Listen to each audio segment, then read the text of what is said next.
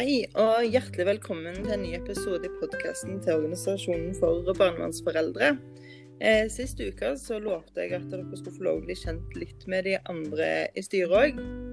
Og i dag har jeg med meg eh, Veronica, som er vår nye første nestleder.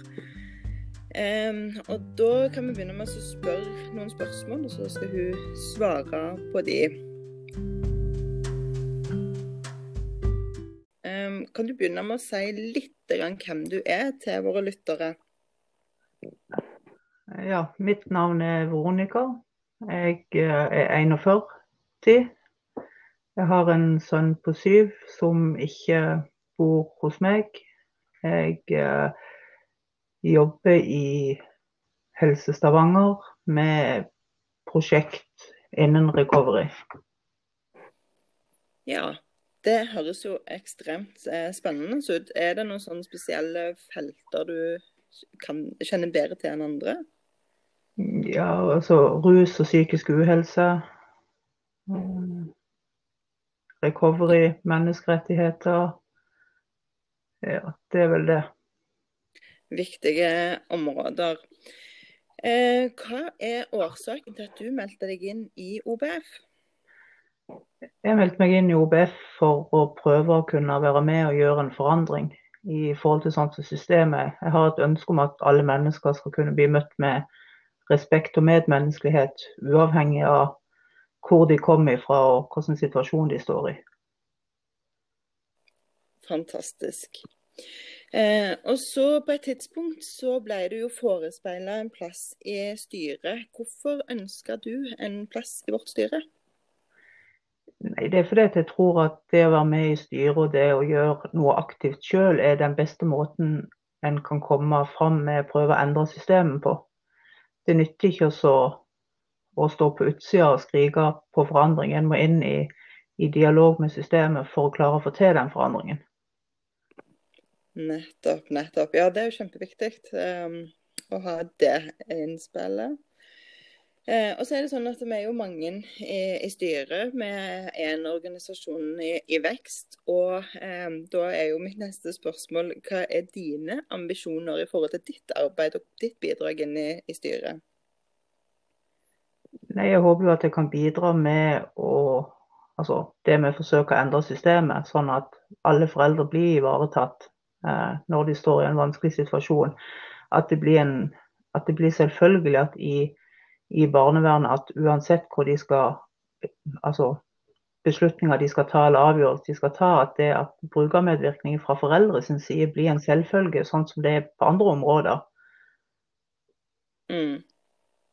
Ja, for det er veldig mange som tenker på en måte at nå, eh, nå skal barna bli valgt ut til fordel for, altså istedenfor foreldre. For mange tenker jo at det er enten eller. Og vi tenker jo litt sånn både òg. Altså vi kan både ha medvirkning fra barn og foreldre samtidig. At ikke det er et valg som barnevernstjenesten er nødt for å ta. Så det er jo Jeg òg ønsker det. At det skal være en sånn selvfølge at du ikke trenger å, å spørre etter. Eh, hva er det som driver og engasjerer deg til å bruke på en måte din fritid eh, til å hjelpe andre mennesker? Nei, Det er vel litt det jeg sa. Altså Håpet om at det går an å endre systemet, sånn at alle står på like fot. At en ikke blir mistrodd eller blir behandla annerledes pga. den bakgrunnen en har. Jeg tror som sagt på det at alle mennesker bør bli møtt med respekt. Og skal en få et system til å fungere, så må en på en måte klare å påpeke det som bør endres på en måte som gjør at de lytter. Mm. Ja. For det er jo sånn at, at den, den, de erfaringene som vi har, de er jo ofte dyrekjøpte. Og det å få lov å dele de med andre, at andre kan på en måte ta utbytte eller nytte av det som jeg har opplevd, det syns jeg ofte er en sånn viktig drivkraft for meg. Da, at da kan jeg liksom bare hjelpe én, så har jeg mye å gå på. ikke sant? Altså, da, da, da, kan du fortsette å gå, gå i dagavis bare med tanke på at du har hjulpet en. og Det, det syns jeg er en sånn viktig belønning å hele veien ta med seg. En er jo ofte veldig opptatt av eh, hva en ikke får til og hva som ikke fungerer. Men noen ganger så må en stoppe litt og tenke på hva har jeg fått til òg.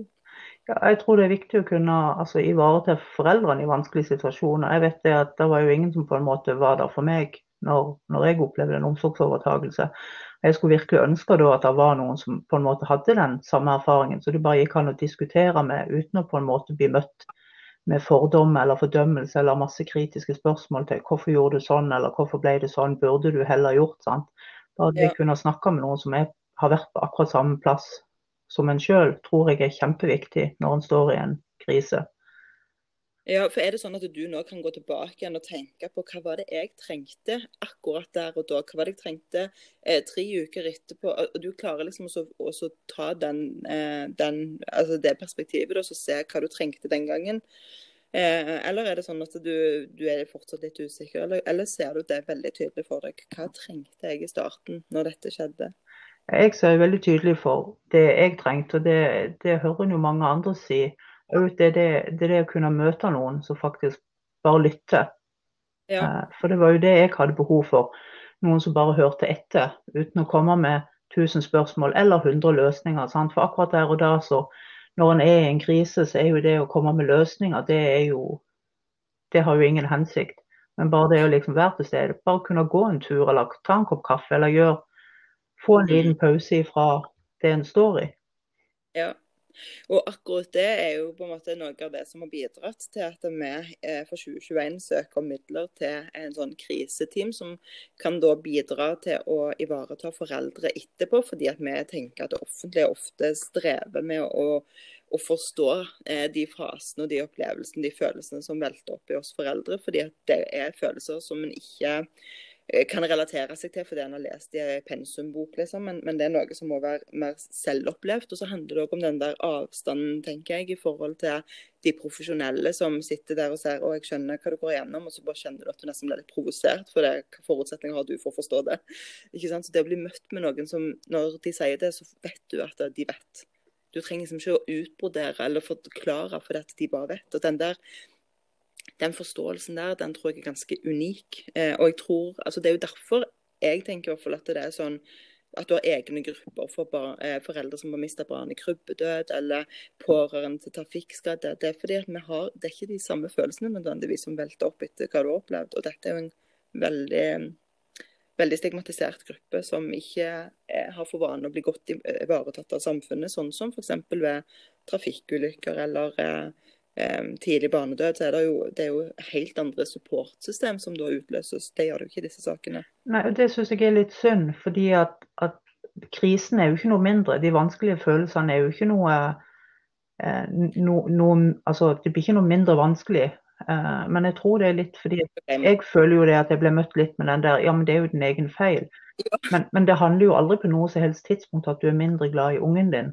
At de omstendighetene han er i. Så jeg syns det er synd at den både av systemet og andre blir sett på som litt de der eh, Jeg vet ikke, jeg følte meg litt som ja, men det er jo din egen feil, så det er jo ikke så synd på deg. Bare skjerp deg. Ja, ikke sånn. Og det gjorde jo altså det at jeg ble møtt på den måten, gjorde jo at jeg Altså, jeg, de vonde følelsene var jo mye lenger, og jeg ble jo forferdelig sint fordi at jeg ble møtt på den måten. Ikke sant. Ja, og så er det jo også sånn at altså, jeg, jeg, tror nok at uansett hvordan du blir fratatt eller mister et barn, enten det dør eller, eller at du blir fratatt eh, omsorgen, så er jo jeg tror nok sorgen og smerten er den samme, men i tillegg så har jo vi den der skammen, ikke sant? det der stigmaet. Det at du eh, altså, du, du, du, går ikke inn på Facebook og så skriver du liksom at nå var barnevernet og henta ungene mine, og så skriver liksom folk sånn eh, hjerter, hjerter og tenker på deg opplegg. Eh, mens når et barn har har dødd eller det har skjedd noe sånt, så er det jo mange hundre som viser liksom omsorg for deg. Og, og det blir jo litt annerledes, for, for, det er jo ikke så mange som annonserer dette på Facebook. ikke sant? Eller eh, det er jo, Jeg har jo snakket med mange foreldre som ikke har fortalt det til familien sin engang. Det, det sier litt om at de følelsene kommer liksom i tillegg. Så når du snakker om at det varer lenger, så, så tror jeg du er inne på noe veldig vesentlig der. At det, det tar lengre tid å bearbeide, for du har den der skammen i tillegg, og du har at alle behandler deg som at du er selv ansvarlig for det, så dette får du finne ut av sjøl. Um, og Det er òg en holdning som vi hører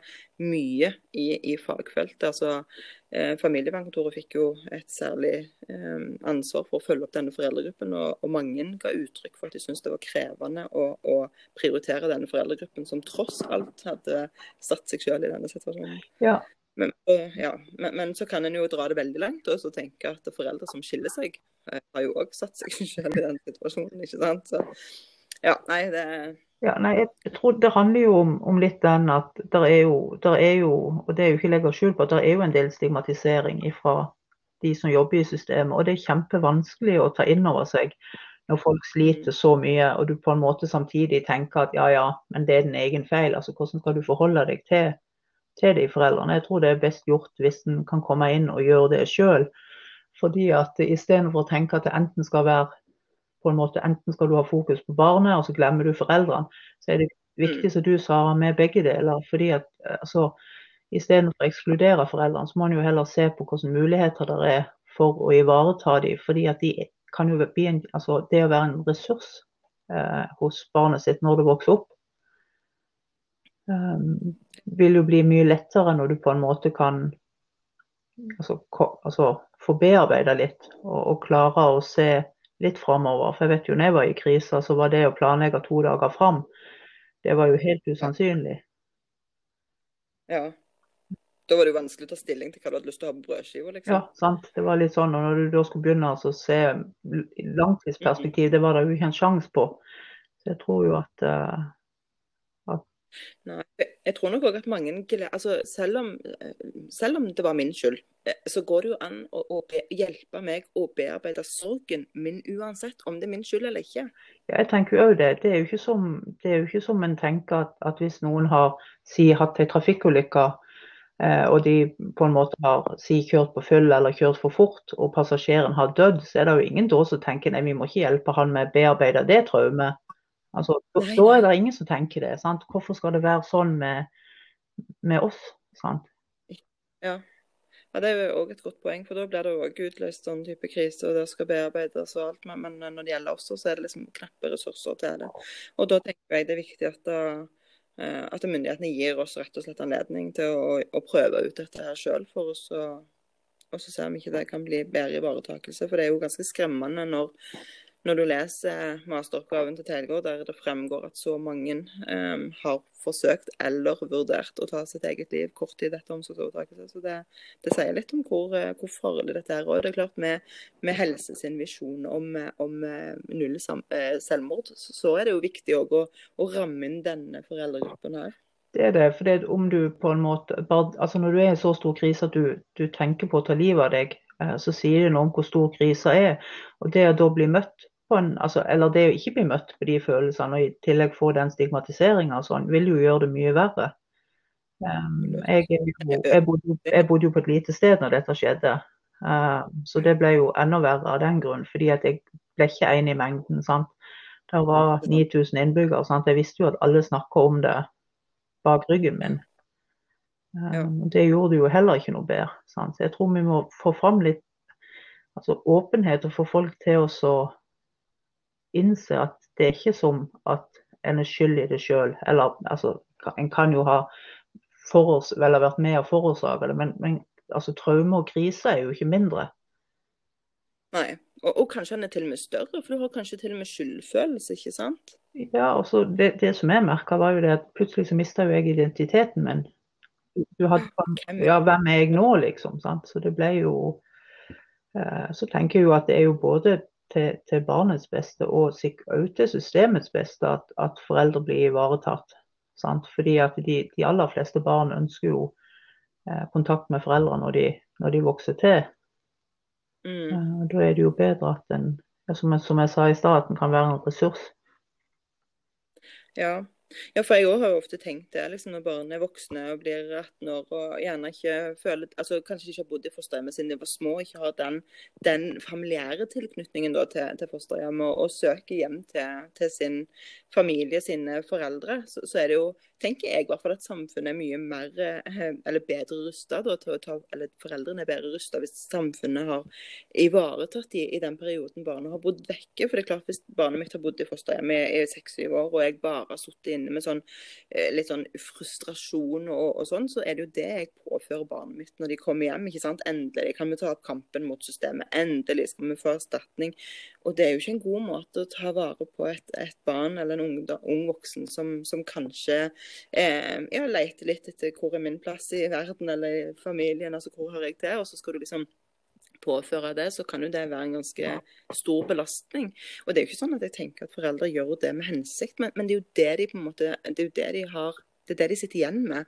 Så hvis barnevernstjenesten og hele barnevernssystemet kunne vært mye flinkere på å inkludere foreldre på en fornuftig måte, selv om barnevernstjenesten tenker at det, det barnet skal faktisk ikke flytte hjem igjen, så kan jo allikevel det å knytte de båndene, eller eh, forsterke de båndene, være en viktig del for barnet. Og jeg tenker at vi som eh, system un, altså burde unna barn å ha doble sett med foreldre, framfor å ta fra dem det ene settet fordi de ikke er gode nok.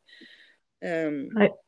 Nei, det, det, er litt sånn sant? Med en gang et barn blir plassert, så skal, skal liksom bare foreldrene mest mulig ut av bildet. Uh, ja, og det, det, er jo kjempesynd. Fordi at de aller fleste barn som, som, har blitt plassert, ønsker jo kontakt med foreldrene når de blir, blir eldre. Sant? Da er det jo bedre å ha, som du sier, altså foreldre som kan være til stede, istedenfor å på en måte skal eh, søke erstatning eller ha det sinnet. Og Det er jo et problem når du, når du, står i en sånn traume og krise som det er. Når du på en måte ikke får bearbeida det, så kommer du deg aldri videre heller. Ja, Det er et veldig veldig viktig poeng. Og så er det klart det er en stor forskjell på å bli fratatt en tolvåring og få, retur en 18-19-åring. ikke sant? Som, som ja, det, det, det, har skjedd noe på de årene, en utvikling. Og den utviklingen har en gjerne som foreldre ikke fått lov å følge. sånn at det, en, en, ikke, en, har ikke sett den utviklingen, og, og, vil gjerne da behandle den ungdommen, eller den unge voksne da, fortsatt som et barn. Det er jo en problemstilling som jeg ofte hører foreldre tar opp. at jeg vet ikke hvordan jeg skal håndtere å ha voksen, et voksent barn som nettopp flytter hjem. ikke sant? Så så det å ivareta foreldre, det tror jeg er kjempeviktig. Og jeg er veldig glad for å få deg på laget som har det engasjementet i forhold til dette med kriseteam og har så god innsikt i eh, hva behovene er når eh, den krisen inntreffer. Ja, fordi at, eh, altså, i andre, altså i både rus og, og, psykisk helse, så er det jo mer og mer vanlig at en ser nytteverdien av den erfaringskompetansen. Fordi at da har du den gjenkjennelsen. sant? Jeg har vært der men, mens barnevernssystemet er ikke vært helt der at de har lyst til å, å, å ta det med. Nei, jeg får ofte inntrykk av at jeg tenker liksom foreldre er liksom Ja, de, de, er sinte, de er farlige, de er liksom Ja. De er ikke sunne for ungene sine. Men jeg tenker ofte at det er ikke rart med måten vi blir møtt på, at vi ikke blir det. For jeg, jeg sitter, altså når jeg ser tilbake på min eh, historie, så tenker jeg sånn at ja, Um, jeg var òg veldig sint i starten. Jeg var kjempesint. Uh, men for meg så var liksom den omveltninga Det gikk jo både litt på at jeg begynte å innse at det er rus og barn det, er ikke sånn, det funker ikke så godt sammen. Men så var det òg hvordan jeg ble møtt av den nye saksbehandleren som så meg som var opptatt av mitt eh, velvære, og ikke bare opptatt av ungene. For det er jo òg det, det er gjenkjennbart i systemet at alltid når du henvender deg til systemet etter en omsorgsovertakelse, så er jo fokuset først og fremst på ungene. liksom sånn, Nå må du fikse deg litt sjøl, for vi har eh, skada barn å ta oss av. Du har skada barna dine. Vi må, vi må, romme de. Sånn at de har jo ikke overskudd til å ta vare på meg. Nei, men jeg tenker jo det at uh, sånn, Systemet sier alltid at det er så vanskelig å forholde seg til foreldre, som du sier, for de er så sinte og de er så frustrerte og alt mulig. sant? Men altså, det handler jo litt om at, at man ikke blir ivaretatt på den måten. Sant? Så egentlig så vil det jo være til systemets beste òg. Og de vil jo få mindre sinte foreldre hvis, ja. hvis den klarer å ta vare på dem. Sant? Så det er litt med å, å, og gjøre de tingene som er til det beste for alt. Sant? For en, en sitter på den ene sida og sier de er så vanskelig å ha med å gjøre, og de er så sinte og de er så frustrerte og sånn. Men det er, det er ikke rart når du ser på hvordan man blir møtt ofte. Nei, det er et godt poeng. Jeg tror òg at uh, vi hadde blitt mindre frustrerte hvis vi hadde blitt møtt på en um, annen måte med litt mer forståelse. Um, så jeg har jo ja, noen ganger tenkt litt på hvordan det ville vært uh, hvis alle ble møtt med uh, åpenhet, raushet, kjærlighet, sant? forståelse for at, at en har hatt det vanskelig. Og det betyr jo ikke at en samtidig kan si at Eh, det å ruse seg sammen med unger, det er ikke greit. Eh, men jeg forstår at du har hatt det vanskelig, så nå skal vi liksom nå skal vi prøve å gjøre noe annet. Vi skal prøve å se deg, vi skal prøve å forstå deg. Og så eh, vet vi at du kan være en ressurs for barna dine. Vi må bare komme oss dit først. ikke sant? Hva trenger du for å bli en ressurs? Jo, jeg trenger. ikke sant? Og så er vi i dialog istedenfor at det blir sånn nei, vet du hva, bare sånn for sikkerhets skyld så stenger vi de foreldrene så langt ute med barna. På dette, da, da, da lager vi liksom eh, rom og trygghet rundt barna, istedenfor at de kan møte meg på en god måte. Sånn at jeg òg kan være en av de som faktisk støtter barna i f.eks. å knytte seg til fosterhjemmet. fordi at eh, ingen ser på meg som en trussel. Verken barnevernstjenesten eller fosterforeldrene ser på meg som en trussel. Så jeg blir en sånn naturlig del av dette treforeldreskapet. Eh, som jeg syns er, er, veldig viktig. Um, og Det betyr jo ikke at jeg syns det er viktig at barn skal vokse opp i fosterhjem nødvendigvis, men jeg syns at så lenge barnet bor i fosterhjem, så må det samarbeidet fungere for at barn skal ha det bra. Og Hvis jeg blir satt på utsiden, da blir det veldig vanskelig for meg å samarbeide. Det gjør det. Um, det er litt interessant. I fjor for ja, fjor. Vi hadde en sånn workshop med, med foreldre som hadde mistet omsorgen, og ansatte for barnevernet. Det var 30 stykk.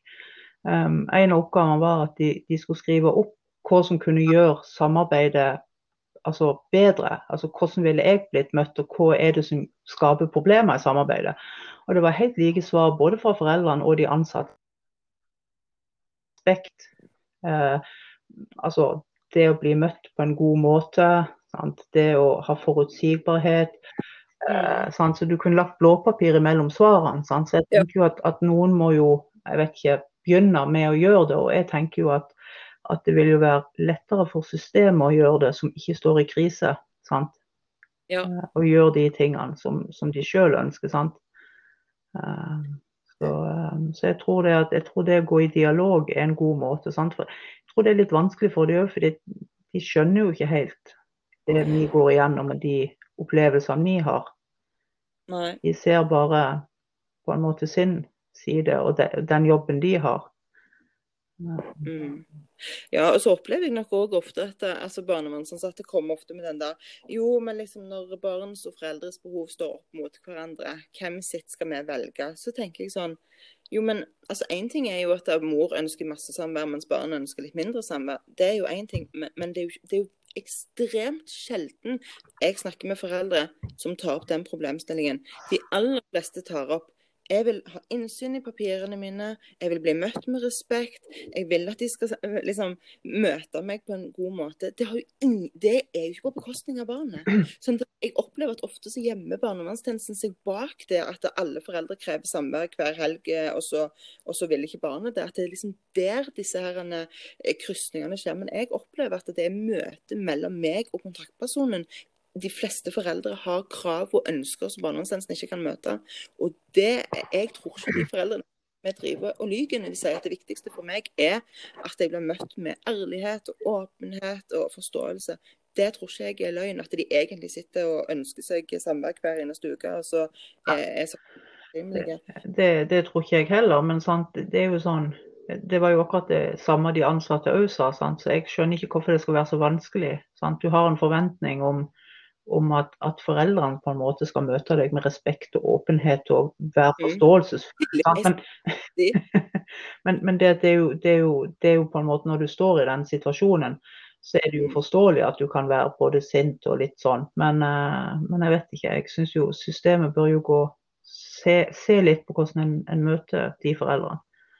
Ja. Um, jeg tror at en kan begynne der, og så kan en liksom begynne med de andre eh, krysningspunktene senere. Men, men begynn liksom å møte alle foreldre eh, på en god måte, og så ser vi ikke du får det tilbake. Istedenfor å møte dem med liksom litt sånn der eh, Vi møter opp mannsterke, vi har masse dokumenter, vi er overmakten, og vi sier 'kom på møte', så kommer du. Altså, for det handler sånn om hvordan du blir møtt. ikke sant? Det så, hvis de bare begynner med det, så, så tror jeg at Og jeg tror hvis alle går litt i seg sjøl, de som vi lytter på som er, jobber i barnevernet, går litt i seg sjøl, så har de nok en liten vei å gå der i forhold til å, å gjøre møtene med foreldre bra. Og jeg tenker også at hvis de er usikre på hvordan de skal møte foreldre, så spør. Ikke spør oss som organisasjon, men spør hver enkelt mm. foreldre.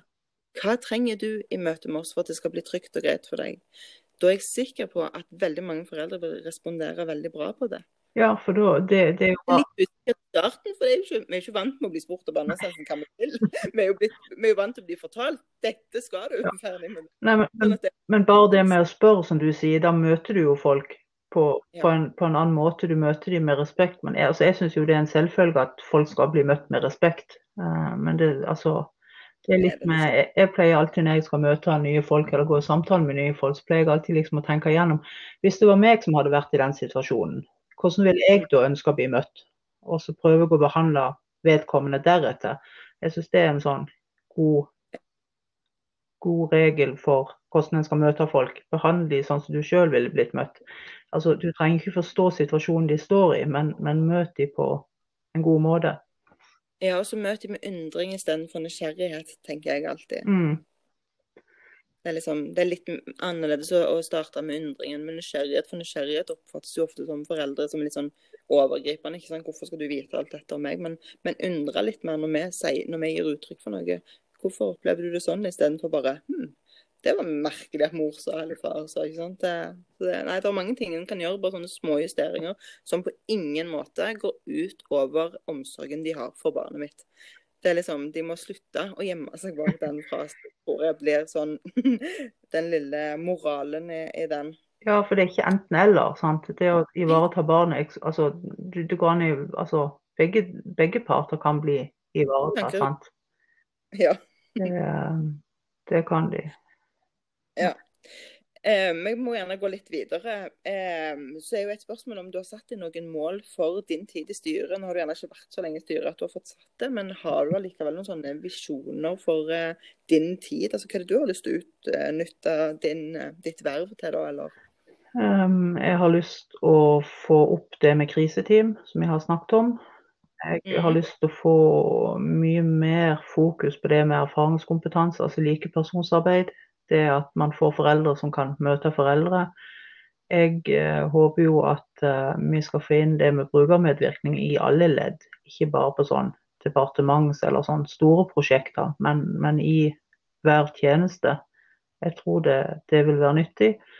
Eh, og at vi skal vokse og få flere medlemmer, tenker jeg jo. Sånn at vi skal liksom bli den som en går til på dette området når en skal snakke med foreldre. Ja. Gode mål.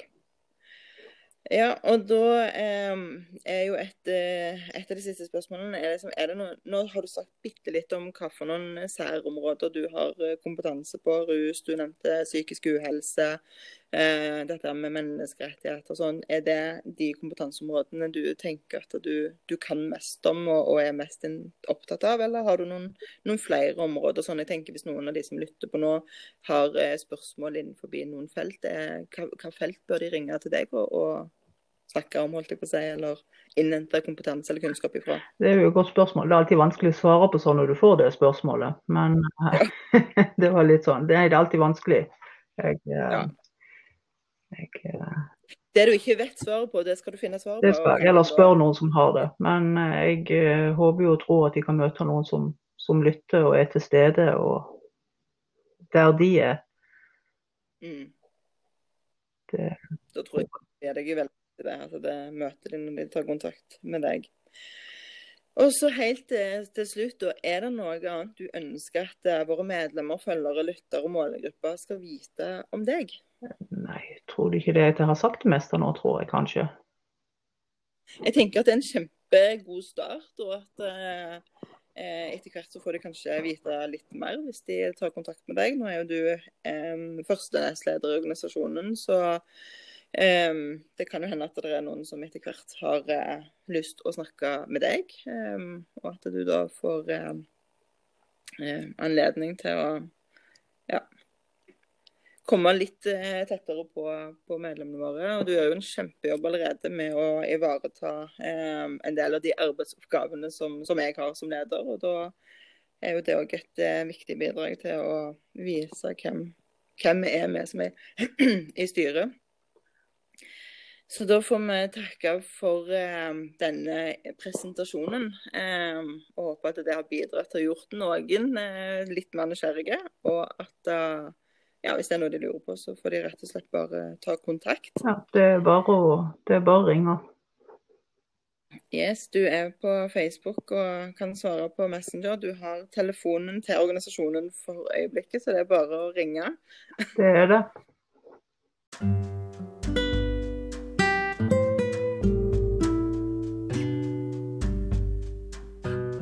Da sier vi takk for eh, denne gang, og så neste uke så får dere møte et nytt styremedlem.